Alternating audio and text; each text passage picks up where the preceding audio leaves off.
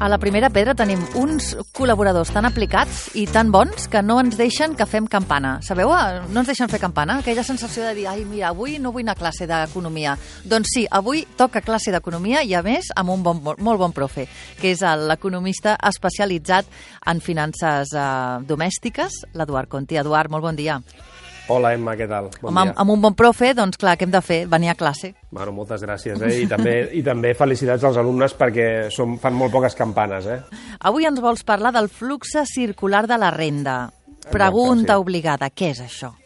Mira, el flux circular de la renda és un model eh, molt simple que serveix per explicar com funciona l'economia, eh? tot, tot tipus d'economia. Aleshores, jo, per exemple, quan dono clas, classes d'introducció a l'economia, una de les primeres coses que explico per trencar el gel és precisament agafo la pissarra i dibuixo aquests, aquest flux circular de la renta i realment és, és molt útil per entendre-ho. Va molt bé dibuixar-ho, però jo, jo ho explicaré. Llavors ens hem d'imaginar que estem da davant d'una pissarra i ho veiem. Sí. Eh?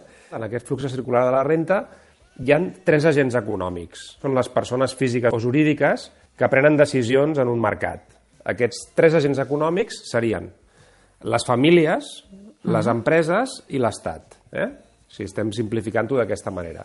Llavors, aquests tres agents econòmics realitzen una sèrie d'intercanvis en dos mercats.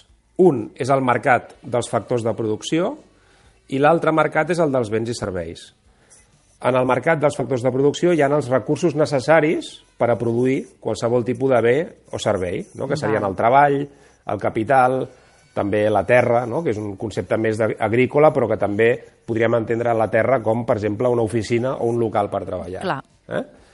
Aleshores, tots aquests agents interactuen. Aleshores, de quina manera interactuen? Doncs, per exemple, en el mercat de factors de producció, les famílies vendrien el seu treball a canvi d'uns diners. Eh? I les Val. empreses anirien en aquest mercat de factors de producció i pagarien uns diners a canvi d'un treball, a canvi d'unes oficines, etc. En el mercat de béns i serveis, doncs, hi van les empreses a vendre els seus béns i serveis que compren les famílies a canvi d'uns diners.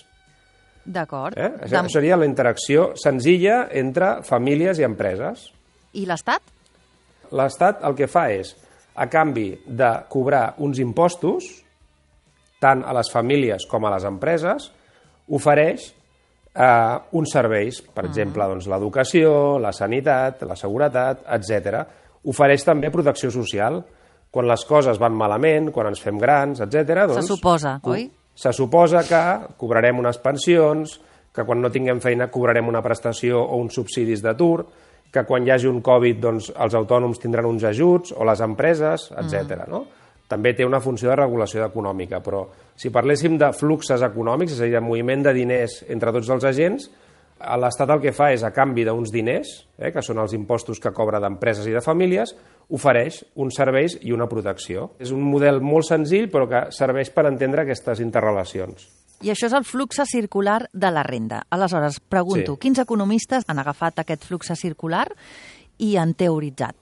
Mira, el més antic i més, més relacionat amb, amb, amb l'origen d'aquest model senzill va ser l'economista francès François Quesnay, de, nascut al segle XVII però que va publicar la seva obra al segle XVIII. Era un metge, eh? era metge i, i economista. Eh? En aquella època que eren persones d'aquestes amb, amb uns coneixements molt amplis. Sí, sí. Una persona familiaritzada amb la circulació de la sang en el cos humà que va voler, a partir d'aquests coneixements més científics, aplicar-los a l'economia per explicar aquests fluxes que es produïen entre els diversos eh, participants en l'economia. Després de, de Kene, que va ser d'alguna forma el precursor, l'altre economista que va utilitzar molt aquest model per explicar el funcionament de l'economia va ser Karl Marx, eh, en el Ah. Capital. Eh, el que va fer ell és demostrar que en aquests fluxes i en aquests intercanvis dins de l'economia el qui guanya és el capitalista, és el que s'apropia d'una bona part de l'excedent. Mira, aquí quan parlo d'excedent vull dir, jo tinc una empresa, me'n Sí. vaig al mercat de factors de producció perquè necessito contractar una persona per treballar amb mi. Aquest mercat de factors de producció posa el preu al treball, en teoria, en funció de l'oferta i la demanda. Eh?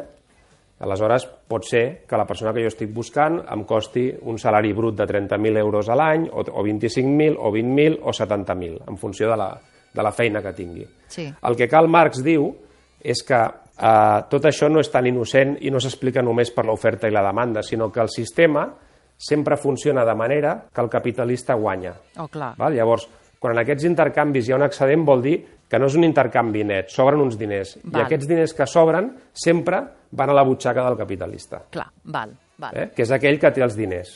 D'acord. En Marx és això. O sigui, el Marx el, el que fa és agafar aquest esquema, que simplement és un esquema explicatiu, per donar-li una intencionalitat o una, una interpretació més política, política econòmica, no? per donar-li base també a la seva teoria de, del capital. Eduard, algun exemple pràctic d'aquest model que ens acabes d'explicar? Sí, mira, imagina't que, que, que vols muntar un comerç d'alimentació ecològica. Eh? Per tant, tu, Bo, sí. en aquest moment, dins del que seria o, o l'empresa que tu vulguis, eh? o sigui, l'activitat que tu vulguis. Jo poso aquest, aquest exemple. No, ja m'agrada, ja m'agrada. Ja t'agrada, perfecte. Doncs mira, hem encertat.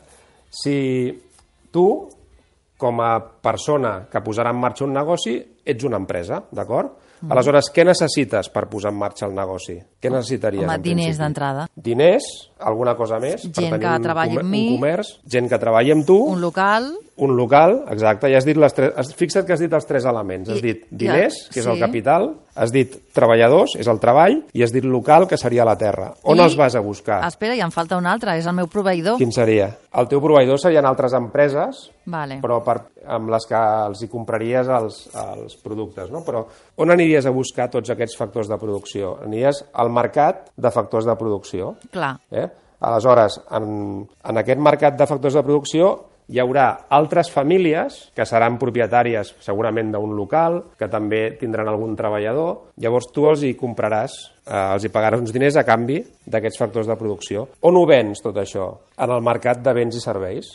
Clar. Tu portaràs els teus productes en aquest mercat de béns i serveis i aquí vendràs? Doncs principalment vendràs a les famílies. És a dir, que a tu les famílies t'estan proporcionant els factors de producció, eh, perquè els treballadors surten d'allà, de les famílies. Eh, en molts casos també inclús els locals són propietat de les famílies, i tu a qui vens? A les famílies. Quin paper té l'Estat? A l'Estat et cobrarà uns impostos, hauràs de pagar un IRPF, hauràs de també fer unes declaracions de l'IVA, etc. I a canvi d'això, doncs, l'Estat, eh, si algun dia les coses van malament, en principi et posarà una xarxa perquè quan et caiguis no et facis tant de mal. Teòricament, eh? Això és el que en teoria hauria de passar si el flux circular de la renda funcionés correctament, no? Seria, podríem fer aquest apunt, no? Sí, sempre diem en teoria, perquè Exacte. entre la teoria i la pràctica sempre hi ha a vegades un, un cert viatge. El que està clar és que l'Eduard Conti, si el necessiteu, el podeu trobar a contieconomia.com i si no, aquí cada setmana fent explicacions que sempre giren al voltant d'això que ens provoca tants mals de caps de vegades, que són els diners o la falta de diners a la butxaca. Eduard Conti, ens retrobem d'aquí una setmaneta. Moltes gràcies. Gràcies a tu, vagi bé.